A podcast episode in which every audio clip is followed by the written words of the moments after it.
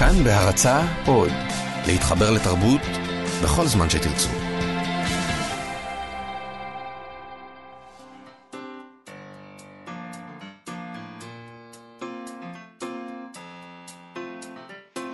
מה שכרוך עם יובל אביבי ומה יעשה לה. צהריים טובים, אנחנו מה שכרוך, מגזין הספרות היומי של כאן תרבות, תודה שהצטרפתם אלינו. איתנו באולפן שרון לרנר ואירה וקסלר ויובל אביבי גם, שלום לך. שלום, יעשה לה? היום נדבר עם הסופרת והמאיירת רוטו מודן על התרגום לעברית של הספר המשפיע מאוד, אה, להבין קומיקס, האומנות הסמויה מהעין, שיצא לאור באנגלית ב-1993, ואחרי 25 שנה סוף סוף תורגם לעברית כעת. נדבר גם עם אילי גרין, צעד הספרים שלנו, על מציאה נוספת בעולם האספנות, הספרים. אבל קודם כל נברך כמה חתנים וכלה אחת. אתמול הוכרזו הזוכים בפרס ביאליק לשנת 2018. פרס ביאליק הוא אחד הפרסים החשובים ביותר הניתנים לספרות, בתחום הספרות. הזוכים בפרס השנה הם המשורר והמתרגם אהרון שבתאי, הסופר סמי ברדוגו והסופרת והמתרגמת שוהם סמית. עוד אה, נודע אתמול כי פרס מנדל למוכר ספרים לספרות בלשון יידיש לשנת 2018 יוענק לפרופסור אברהם נוברשטרן. עכשיו, בוועדת השופטים אה, של פרס ביאליק לספרות יפה שמוענק מטעם עיריית תל אביב-יפו, ישבו הדסה וולמן כיושבת ראש, דוקטור לילך לחמן, דוקטור שירה סתיו, דוקטור דודו רוטמן ודוקטור רימה שיחמנטר. והנה מה שנכתב לגבי הזוכים בפרס. אהרון שבתאי יקבל את הפרס על מכלול יצירתו רבת השנים, יצירה פורצת דרך השולטת בצורות השיר, מגמישה אותן ומשלבת באופן וירטואוזי רבדים קלאסיים ועכשוויים. סמי ברדוגו יקבל את הפרס על מכלול יצירתו עד כה, על בריאתו שפת גוף, מקום וזהות, ועל היותו קול חדשני וייחודי, וייחודי בספרות העברית. שוהם סמית תקבל את הפרס על מפעל ספרותי רב פנים של כתיבה, עריכה ותרגום לילדים. כתיבתה הצלולה והלא מתפשרת מחויבת לאבני תשתית של התרבות העברית והעולמית. זוכים ראויים מאוד. ברכות. ממש, כל אני הכבוד. מאוד שמחתי הפעם על, ה... על מה ש... עוד, נד... עוד מעט נדבר על זה, על הפרס כן, הזה. מאוד משמח. אה, נספר גם שבוועדת השופטים של פרס מנדל למוכר ספרים לס... לספרות בלשון יידיש, גם היא מטעם אה, אה, עיריית אה, תל אביב-יפו, כיהנו פרופסור דוד אסף, הוא היה יושב ראש, ופרופסור אלי לדרהנדלר ובני מאיר. הם החליטו להעניק את הפרס לפרופסור אברהם נוברשטרן על פעילותו יוצאת הדופן המשלבת הישגים מחקריים בכל תחומי ספרות היידיש ופעילות ציבורית ענפה בקידומה של היידיש ותרבותה. עכשיו, למרבה הצער, בהודעה לעיתונות כאן נכתב כי נימוקי השופטים יובאו במלואם בחוברת הפרס. לא ברור למה, הם כנראה לא חושבים שהנימוקים חשובים, אבל הם חשובים לנו, היינו רוצים להקריא אותם, אבל מילא. Uh, תשמע, פרס uh, ביאליק לספרות יפה מוענק ליוצרים בתחום הספרות החל משנת 1933, שאז מלאו לביאליק 60 שנה, והוא נוצר כדי לתת לו כבוד והוקרה כמובן. Uh, זכו בו באמת גדולי הסופרים והסופרות שלנו. Uh, הזוכים הראשונים בשנת 1933 היו דבורה ברון ומתתיהו שוהם.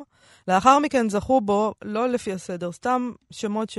ראיתי ככה ברשימה, למשל, לדוגמה, למשל ולשנינה, שי עגנון, שאול צ'רניחובסקי, חיים עזז, יעקב פיכמן, גרשון שופמן, אורי צבי גרינברג, מקס ברוד, ואלתרמן, ושלונסקי, ויוכבד בת מרים, ואמיר גלבוע, ונתן זך, ומאיר ויזלטיר וחנוך לוין, ועמוס עוז, ואלף בית יהושע, וטט כרמי, ופנחס שדה, ודוד אבידן, ויהושע קנז. באמת, יש שם רפייה, רשימה מאוד מאוד מפוארת. ממש, וואו. אגב, לא מצאתי בה את דוד גרוסמן. דוד גרוסמן לא זכה בפרס ביאליק. בסדר, הוא עוד צעיר. לא? עוד יקרה, יקרו לו הרבה דברים, הוא יזכה בעוד הרבה פרסים חשובים. אני מניחה שאף אחד לא יתפלא על כך שאני חושבת שנוספים עכשיו עוד יוצרים מופלאים לרשימה הזאת, כי כבר ידוע לכל, הצהרתי על כך מספר פעמים שאני, אהרון שבתאי הוא אחד מהמשוררים שאני הכי אוהבת. בהחלט. והוא ידיד התוכנית גם, בלא ידיעתו כמובן. ברור, אבל ברור. הוא ידיד. יש לנו כמה ידידים. ידידי, בדרך כלל, נגיד, חוג ידידים כזה של מוזיאון או של תיאטרון, זה אנשים שתורמים כסף. כן, אז הוא, שלא... הוא שלא יחשבו. נכון, זה בהתנדבות. מי- הוא לא- הוא- מי עוד בידידים שלנו? בהתנדבות ובלא ידיעה. קרל וקנאוסגרד הוא גם זהו, ידיד. זהו, אהרון שבתאי וקרל אובה, לא? בדיוק. אז אה, טוב, גם, רשימה מאוד יוקרתית, אה, נכון. ידידי תוכנית אה, מה שכרוך. אה, טוב, גם ידוע שאת מאוד אוהבת את סמי ברדוגו, גם נכון. אני אה, מאוד אוהב אותו, אני חושב שזו אה, זכייה נהדרת. אה, ואת סמית הרי היה לנו פה בשבוע שעבר, והיא באמת עושה דברים נהדרים. אה, ואולי באמת כדאי לשמוח בפרס שכזה, במקום להתלונן כל הזמן למה אלה זכו ולא אלה, ואיפה דוד גרוסמן ולמה הוא לא זכה וכולי. אנחנו לא שאלנו למה הוא לא זכה ולא התלוננו על זה, רק הזכרנו את זה. אה, ותרשה לי בכל זאת לתהות על שני דברים. האחד, לפי אה, הגוגל שעשיתי אתמול, עושה רושם כזה, כך הצלחתי לברר, שמאז שנת 2014 הפרס הזה לא חולק. הוא ניתן אז, ב-2014, לארז ביטון, חדווה הרחבי ותמי שם טוב. כלומר, אה, מדובר בפרס שהעירייה קצת מזייפת לגביו, אפשר לומר, אה, שזה מוזר קצת, כי הפרס הוא בסך 18,000 שקלים בסך הכל. אה, כבר אמרתי מקודם שרק מדוחות החנייה של שנינו אפשר היה להצליח אה, ולחלק אותו, כמו בני אדם, אני כל שמח. שנה. שמח אה, ל- לקבל דוחות חנייה אם זה מה שזה מממן. אני לא. אני לא. אה, זה פרס מאוד מאוד חשוב, אה, והוא צריך להיות מחולק כל שנה. אה, עוד דבר אחד, לצד פרס ביאליק לספרות, ניתן כל השנים גם פרס ביאליק לחוכמת ישראל. ככה נוסד. זה נוסד כפרס ביאליק לספרות ופרס ביאליק לחוכמת ישראל. כן. אה, היו שתי קטגוריות. ב-2014 הוא ניתן בקטגוריה חוכמת ישראל לעוזי שביט ואהרון דמסקי. השנה כנראה אין זוכים בקטגוריה הזאת, בכל אופן לא פורסם. אה, שוב, זה פרס חשוב, אבל הוא, הוא לא פרס כספי גדול, ואני חושבת שאנחנו לא, לא לגמרי צריכים למחוא פה כפיים לעיריית תל אביב-יפו. Uh, כן, כמובן, אנחנו מומחים כף לוועדת הפרס שבחרה את הזוכים. בהחלט, זה מה שאנחנו אה, עושים. לגבי, אוקיי, לגבי פרס מנדל למוכר ספרים, גם כאן יש דברים מוזרים. פרס מנדל למוכר ספרים הוא פרס בתחום הספרות אה, היידית, שמוענק על ידי עיריית תל אביב-יפו ליוצרים בשפה היידיש מאז שנת תשל"ו, שזה 1975, להוקרת יצירתו הספרותית של מנדל למוכר ספרים. עד כה הוא חולק רק תשע פעמים, מאז נוסד, מ-1975. אה, רון חולדאי, שלום, תתעשת. Uh, בשנת 2014 בני מר קיבל את הפרס. Uh, הזוכים בפר... הראשונים בפרס ב-75 היו בינה מהלר ואברהם קרפינוביץ'. אה, רגע, הוא מה? קיבל אותו ב-2014 ועכשיו הוא חילק אותו? כן. אוקיי. טוב, אולי פשוט אין להם אה, מספיק אנשים שמתעסקים, ב... שכותבים ביידיש, שמתעסקים ביידיש כדי ל- לחלק את הפרס הזה. אני מציעה שאנחנו לא נמציא תירוצים בשביל הממלכה. אני מציעה שהם יעשו את מה שהם צריכים לעשות. Uh, קיבלתי uh, אס.אם.אס, הודעה מאלעד ברנועי, uh, ממדור הספרים בשבעה לילות, נכון? כן. ידיעות אחרונות, מתקן אותי, דוד גרוסמן כן זכה בפרס ביאליק, זה היה בשנת 2004, מה חשבתי לעצמי, באמת? נכון, הוא זכה, אה, כתוב בוויקיפדיה שהוא זכה במשותף עם אפרים סידון וחיה שנהב. אין, אין כזה דבר במשותף. באותה שנה הם זכו. זה מה שכתוב אה, בוויקיפדיה, אני אני קורא. אוקיי, אז הנה, אני, מתקן. תוקן העוול. תוקן העוול, גם דוד אה, גרוסמן שם, זה. מה לא, כי שחשוב. זה היה פשוט כבר קצת מוזר שהוא זכה בפרס ישראל ועוד לא בפרס ביאליק, אבל הנה, אולי הקריטריונים של אה, פרס ביאליק הם חמורים יותר. כנראה שלא.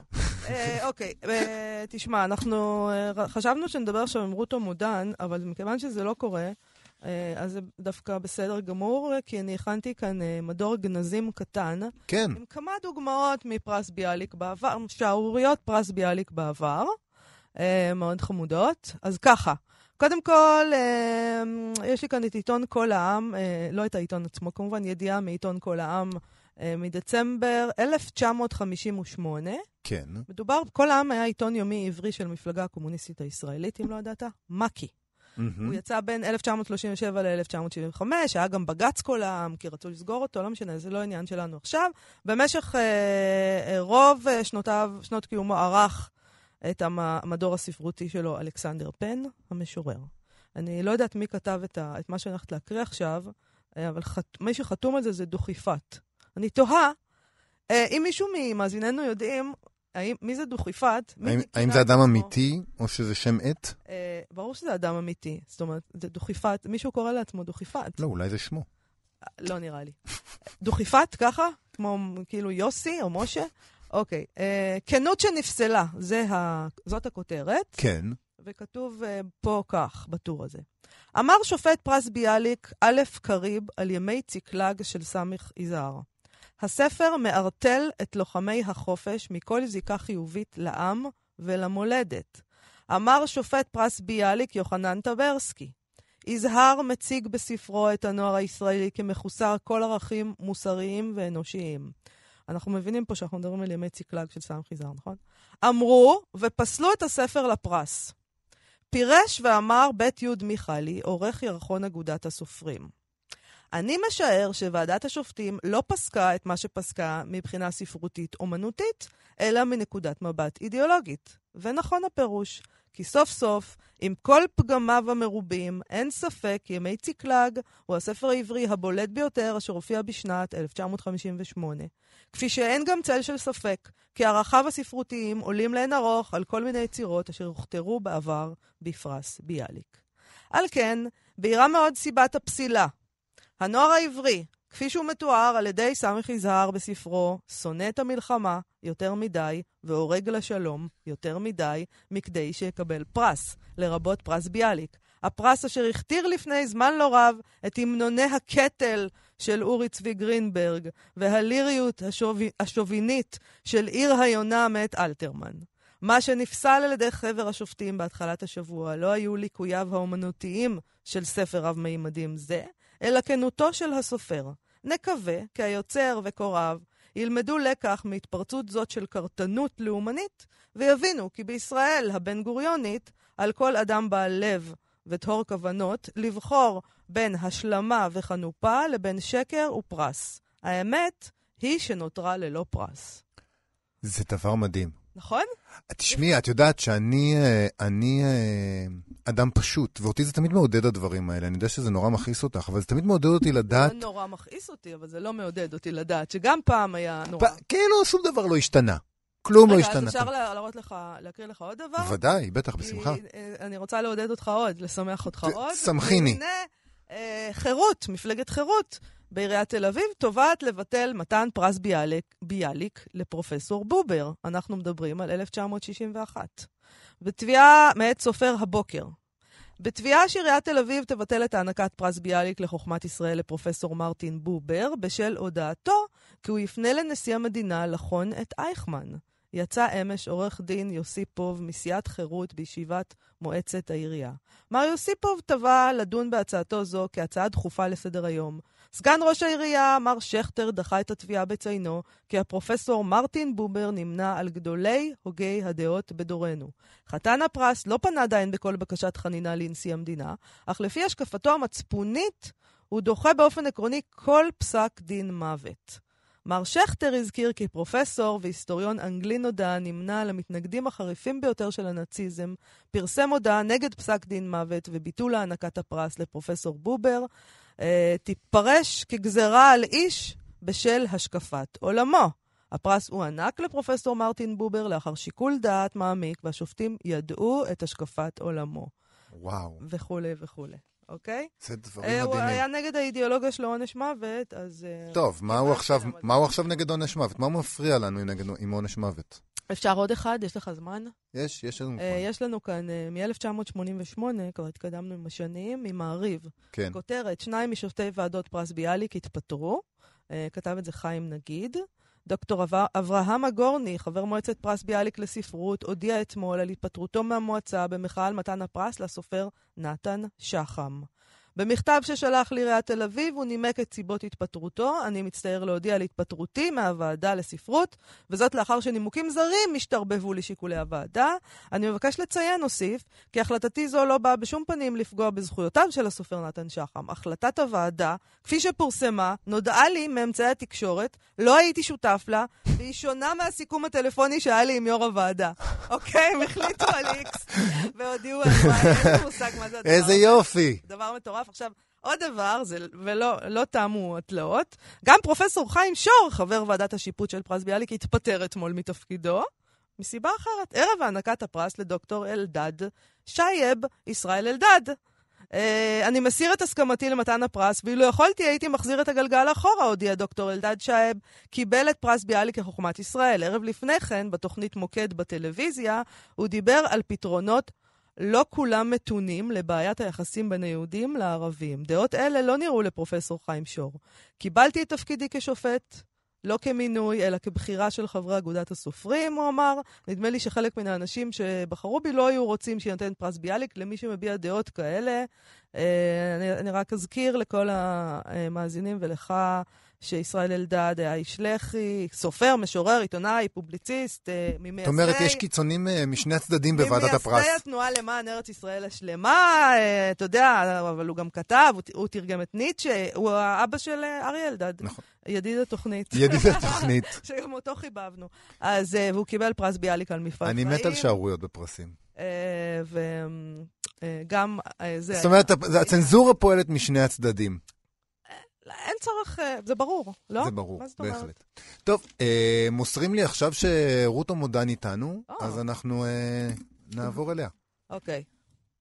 שלום. שלום, אה, רוטו. אה, בוא נד... אני רק אציג קודם כל את הנושא. הספר להבין קומיקס, האומנות הסמויה מעין, של סקוט מקלאוד, התפרסם לראשונה ב-1933, ועכשיו הוא יוצא סוף מה? סוף... לא. באנגלית. לא 1933? 1993. אמרתי 33, זה מהאייטם הקודם. ועכשיו הוא יוצא סוף סוף בעברית. בתרגומה של דבי אילון, בסדרת קו אדום, אומנות של uh, הקיבוץ המאוחד, בשיתוף עם הוצאת כנרת. מדובר פה בספר, מעין ספר עיון על קומיקס, שהוא גם ספר קומיקס בעצמו, שמסביר את העקרונות של הז'אנר וכיצד לקרוא בו. זה ספר שחולל מהפכה באופן שבו תופסים קומיקס uh, בספרות חזותית.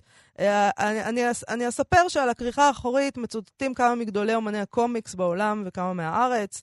ארט ספי, uh, ספיגלמן אומר שזה הקומיקס האינטליגנטי ביותר שראה זה זמן רב.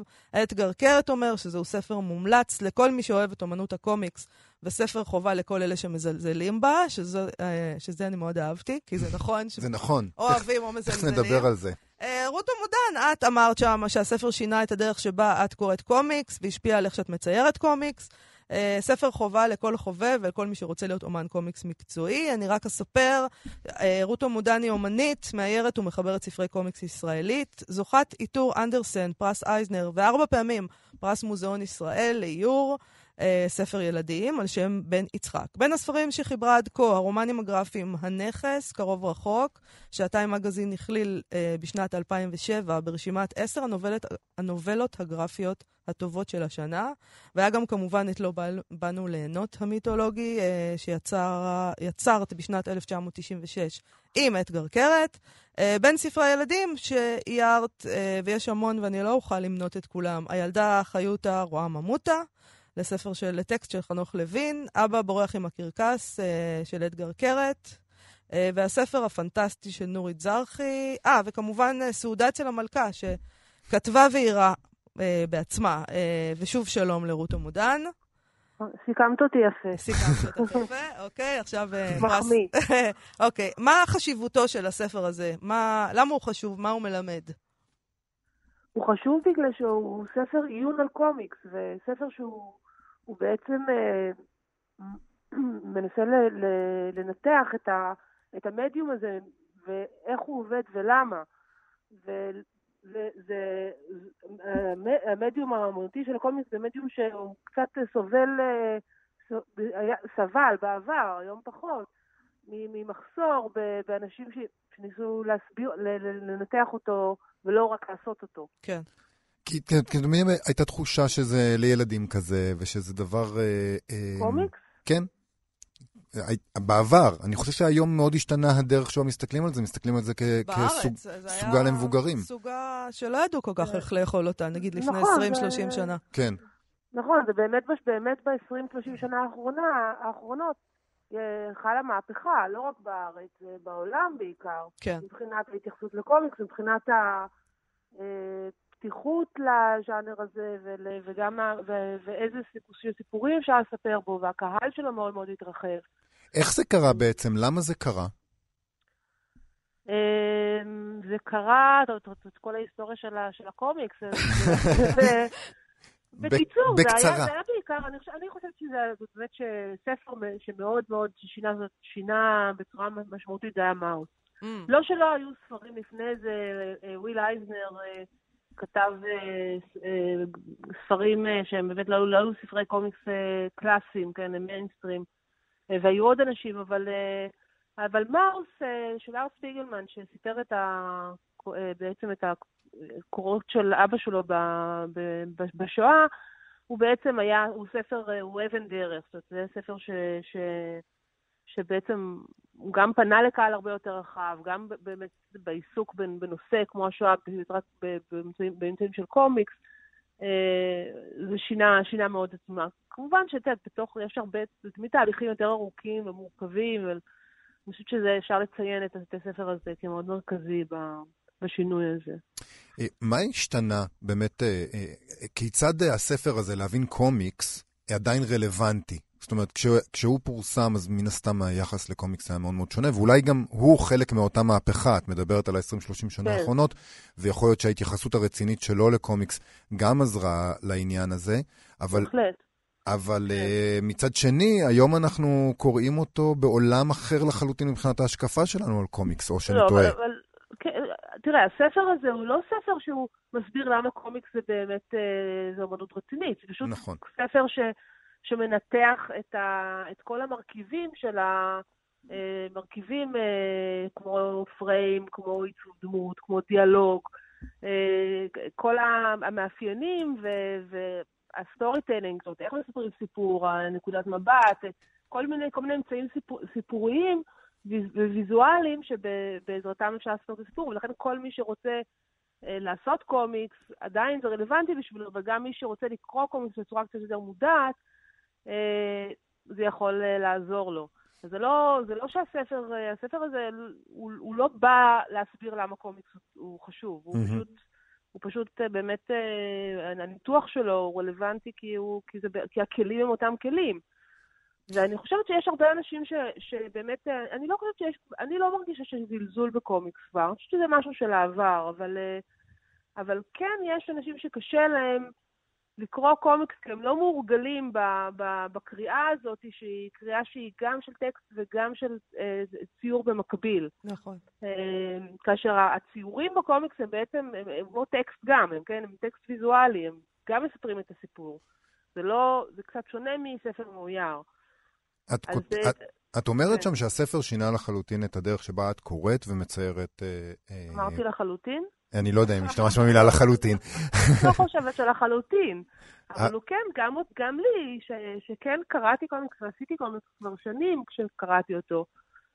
תראה, לפעמים גם אתה עושה דברים בצורה אה, אינטואיטיבית, ופתאום כשמישהו בא ועושה, ועושה סדר, או מסביר לך, ונותן איזשהו הסבר, זה, גם המודעות היא, שלי גדלה לשימוש שלי באמצעים. את קראת אותו בזמן שהוא יצא, בזמן אמיתי? כן. פחות או יותר. ואז כשהיית, אה, מה זה כבר לפני... 25 שנה. 25 שנה. אל אלוהים. ה-90 זה כבר לפני 25 שנה. אז אה, נגיד, כשאת אמרת לעצמך או לסביבתך, אני רוצה לעשות קומיקס, אז בטח היה דבר די משונה להגיד, לא? כלומר, ממה תתפרנסי, ממה תחי, איזה מין דבר לא זה אמרתי. לעשות? אה, לא אמרת? לא אמרתי. אוקיי. ניסיתי, לא אמרתי. אה, אני בעצם אה, תמיד אהבתי קומיקס, זה לא היה כל כך מסביב. מה שראיתי, אהבתי. כן. ובעצם רק כשהייתי בבצלאל והייתי בקורס קומיקס של מישל קישקה, שהוא היה אחד האמני קומיקס הראשונים בארץ, בעצם שהיו גם באופן מקצועי, כן? אה, אז, אז התאהבתי במדיום הזה והבנתי שאני רוצה לעסוק בו, והתחלתי לעשות סיפורי קומיקס וסיפורים, התחלתי לעבוד עם אתגר גם באיזשהו שלב, אה, ולכתוב בעצמי. אה, וזה, אז זה לא היה אף פעם, אף פעם לא חשבתי כזה כמשהו של איזושהי החלטה, את של עכשיו אני אומרת קומיקס. הייתי, הייתי מאיירת. כן. זה היה נראה לי, רציתי לספר סיפורים, קומיקס אה, קסם לי לעשות את זה, זה התאים לי. אה, ואחר כך אה, דברים כבר אה, הלכו והתפתחו. זה היה איזה רגע, זה כן, זה היה גם משונה להגיד להיות מאיירת אז. זה היה גם... כן? אוקיי. להורים שלי זה היה מספיק מוזר. זה לא מקצוע, בוא נגיד. זה, תראי, בשביל ההורים שלי רק רופא זה מקצוע, אז כאילו, זה לא כל כך היה משנה. אוקיי. בספר גם יש איזה סוג של הבחנה אה, בין הז'אנרים השונים של הקרטון. אה, ובעצם היום לא מתייחסים לזה בתור קומיקס בהכרח, אלא ממש מתייחסים לזה בתור רומן גרפי, שזה כאילו שם כן. יותר רציני. יש הבדל מבחינתך בין קומיקס לרומן גרפי, או שמבחינתך שני הדברים פשוט הם מתמזגים זה בזה? אני חושבת שזה פשוט היה מה שנקרא branding. זאת אומרת, כן. היוצרים הראשונים של הספרים, של הרומנים הגרפיים, ש, שעסקו בנושאים הרבה יותר רחבים, אוטוביוגרפיים, היסטוריים, וממש ספרותיים, שהם לא היו החומר, הסיפורים הרגילים של, ה, שהקהל היה רגיל להם, של קומיקס, רצו למצב את זה קצת אחרת, ולהגיד זה לא, כדי שאתה בא לך, לא, כן, שזה לא משהו לילדים, וזה לא אה, סופר הירוס. אז אה, בדרך כלל כשאומרים גרפיק נובל מתייחסים לספר שהוא, שהוא עבה, כן? Mm. יותר. לקומיקס עבה. ולסגנון, כן, וגם בסגנון, וגם הרבה פעמים לסגנון שהוא יותר אה, מה שהיה נקרא בזמנו אלטרנטיבי, והיום הוא לא כל כך אלטרנטיבי, היום הוא, איזה, הוא מאוד מאוד נפוץ. מה הדבר האלטרנטיבי היום בעולם הזה של הקומיקס? מה הדבר הבא הזה שאנחנו עוד לא מכירים? היום, אני לא יודעת, תראי, תמיד יש, תמיד יש שוליים, כן? תמיד כן. יש אה, דברים אקספרימנטליים ואנשים שעושים uh, ניסיונות, ו, אה, אה, אבל זה לא, אבל יש המון המון פתיחות לזה, זאת אומרת, יש כבר הסכמה שקומיקס הוא לא סוג מסוים של ספרות, אלא שזה פשוט באמת איזשהו מד, מדיום או ז'אנר רחב, שמכיל, מדיום שמכיל בתוכו ז'אנרים שונים. אה, של שירה, כן, של, או כאילו, לא שירה, אבל פואטיקה. Mm-hmm. יש שירה בקומיקס? זה, זה מה שנקרא, אה, כן, קומיקס פואטי, כן, שזה, שזה דברים שהם הם לא בדיוק סיפור נרטיבי, כן? זה, uh-huh. שהם דברים שהם יותר סימבול, סימבוליים, או שיש בהם משהו באמת אופי יותר, יותר פואטי, פחות תקשורתי אולי. מעניין. יש דברים שהם, אה, יש הרבה דבר, הרבה ניסיונות דיגיטליים, כן, של דיגיטליים, של אה, סיפורים אה, שהם מולטילינאריים, של דברים אינטראקטיביים. אז יש המון, המון ניסיון, המון, המון דברים שנעשים.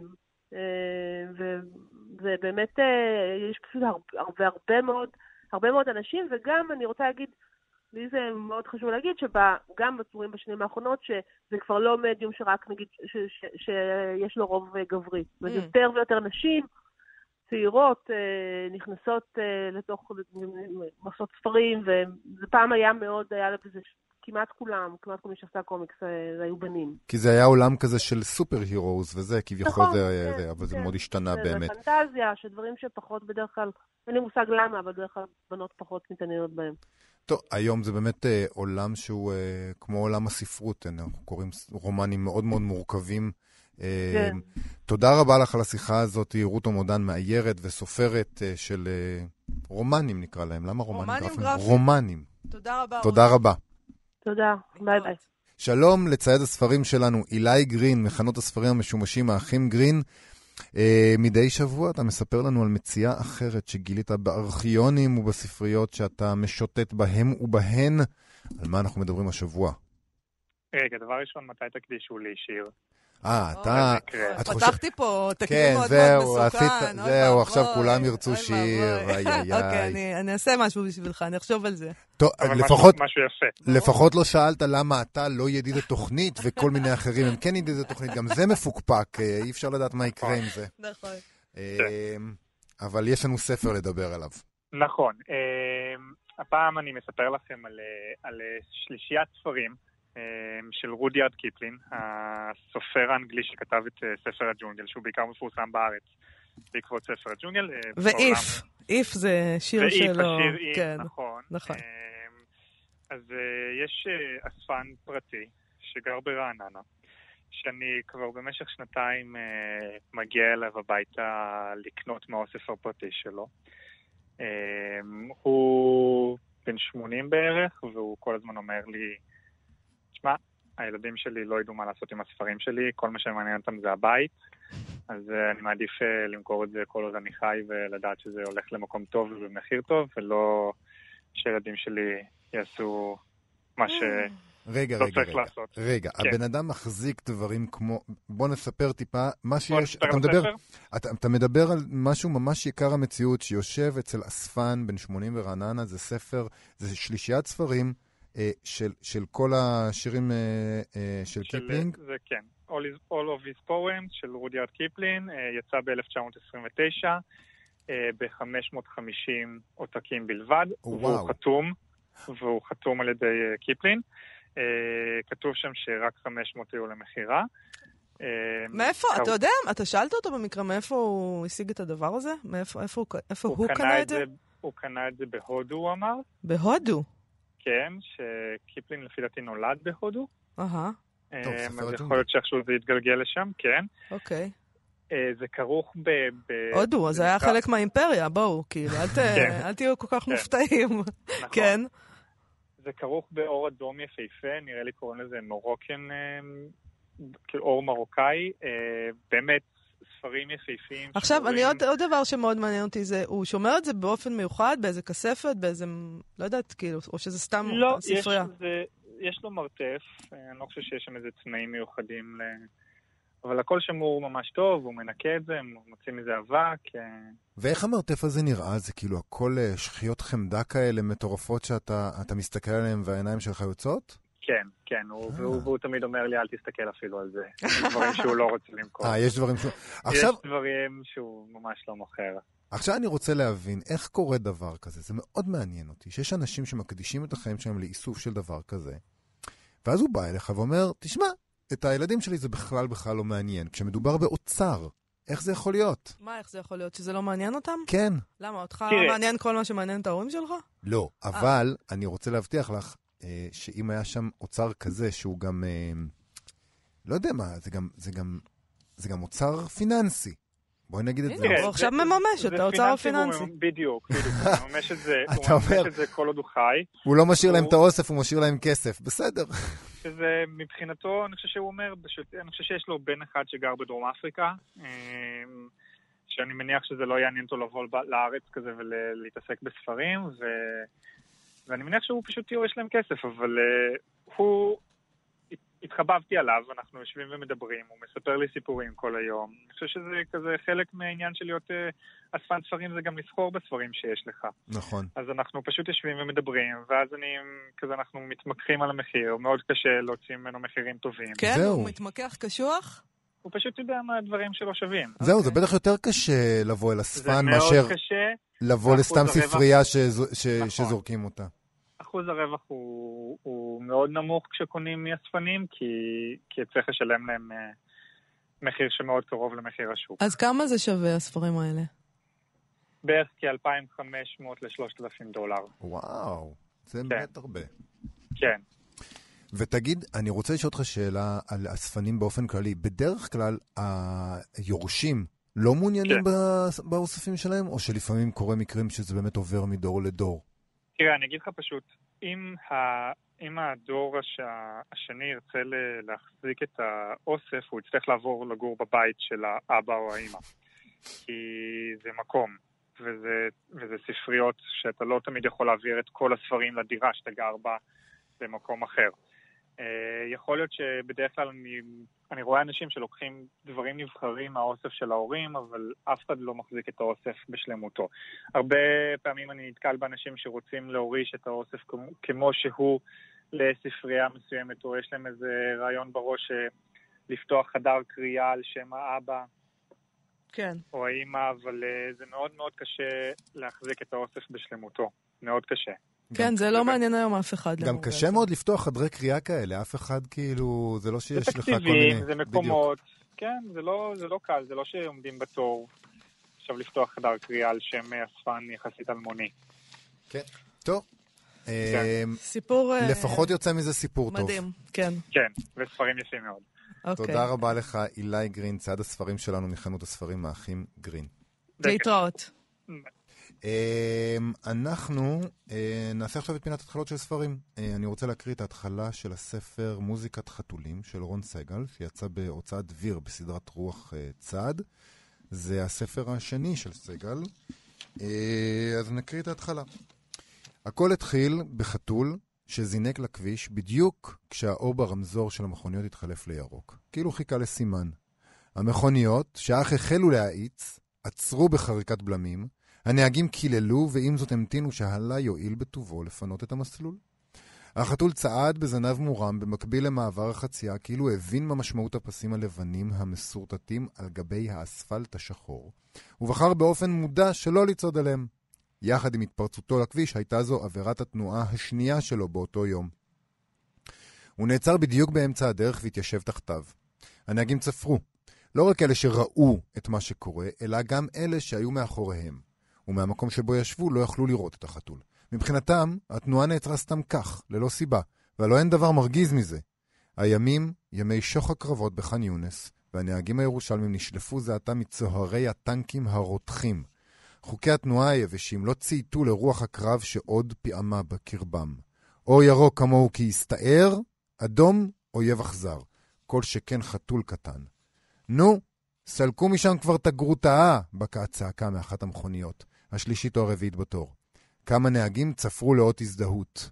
נהג המכונית הראשונה, קצר רוח, שחרר קצת את הקלאץ', המכונית צהלה קדימה כמו סוס מרוץ שמרגיש את הצלפת השוט באוויר, אך החתול לא נרתע. בעולמו, שלל המכוניות זינקו לו לכביש, ואילו הוא, למזלן, חס על גלגליהן. לנהג המתוסכל לא נותר אלא לדרוך בו זמנית על הקלאץ' ועל הבלם למורת רוחם של הנהגים מאחוריו. קל להם לחרוץ את גורלו של חתול שאינם רואים כלל. לאחר שווידא את העצירה המוחלטת של טור רכבים ארוך, כמו שוטר תנועה שמפנה אליהם שלט אדום שצידו השני ירוק, קם החתול והמשיך לצעוד במקביל למעבר חצייה, תחת מטר קילולותיהם של הנהגים. הוא לא לקח בחשבון שרוכבי הקטנועים נוהגים להשתחל בין מכוניות עומדות כמו מים המחלחלים בין חרכי המדרכות, וכך הסתבך לו מיד בגלגלי קטנוע שהגיח מעבר למכונית הראשונה וניתז לצד הדרך. אה, קודם כל, וזו פרשנות נורא קפריזית בעצם, מה שאני הולך לעשות עכשיו, המשפט הראשון של הספר מזכיר לי את המשפט הראשון בעל העיוורון של סרמגו. המשפט שם הוא מתחיל, בר... גם זה מתחיל ברמזור שמתחלף ומסמן את תחילת הקטסטרופה. אה, אצל סרמגו היא כמובן משל היום לשימוש בכוח, לשרירותיות שבו, מי מוביל, מי לא מוביל. ו... והרמזור הוא, הוא פיגורה רבת עוצמה כמובן, למרות שהיא פיגורה מודרנית מאוד, אה, הרמזור הוא החוק.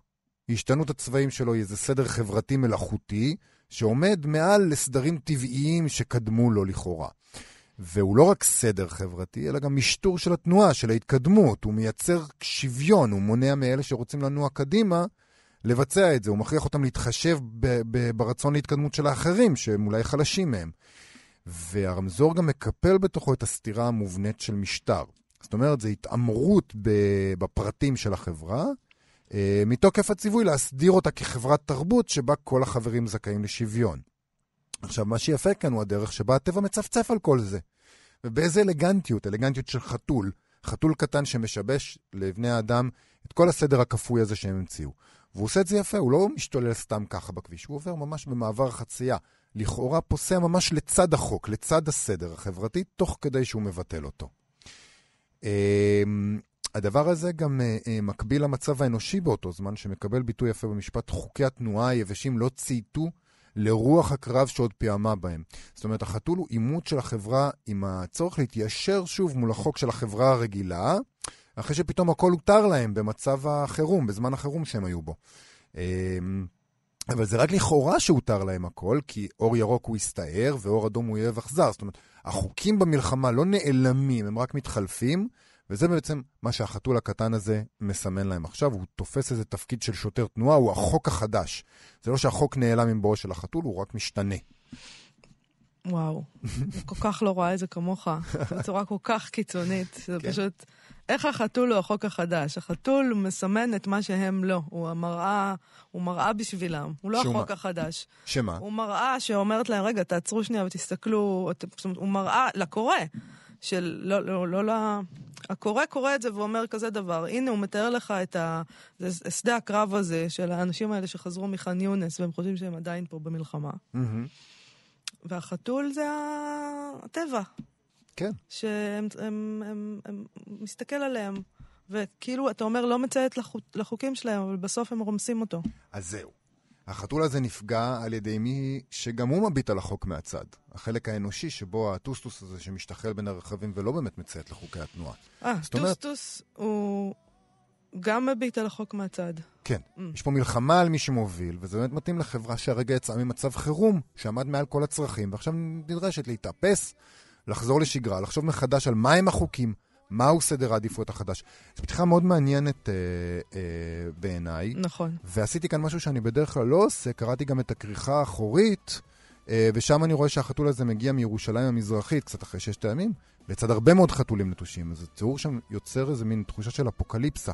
החיות צובעות על ירושלים הערבית, זה מיד נתפס כמטאפורה, ואני חושב שזה יהיה פוליטי מאוד. פתיחה מאוד מוצלחת, מאוד מעניינת. רון סגל, מוזיקת חתולים, יצא ברוח צד, או צד זמורה, נכון? דביר. ויופי, זה נראה כמו ספר מאוד מבטיח. מאוד מבטיח. וזה זמננו ללכת. כן, אנחנו צריכים לסיים. תודה שהאזנתם לנו. אנחנו נהיה כאן גם מחר בשעה 12. אל תשכחו להוריד את אפליקציית כאן עוד עם כל התוכניות שלנו ועוד מגוון תכנים מעניינים בחנויות האפליקציות כאן אודי. תודה רבה לשרון לרנר ואירה וקסלר. ונהיה פה מחר שוב, נהיה פה מחר, להתראות. תודה רבה, להתראות.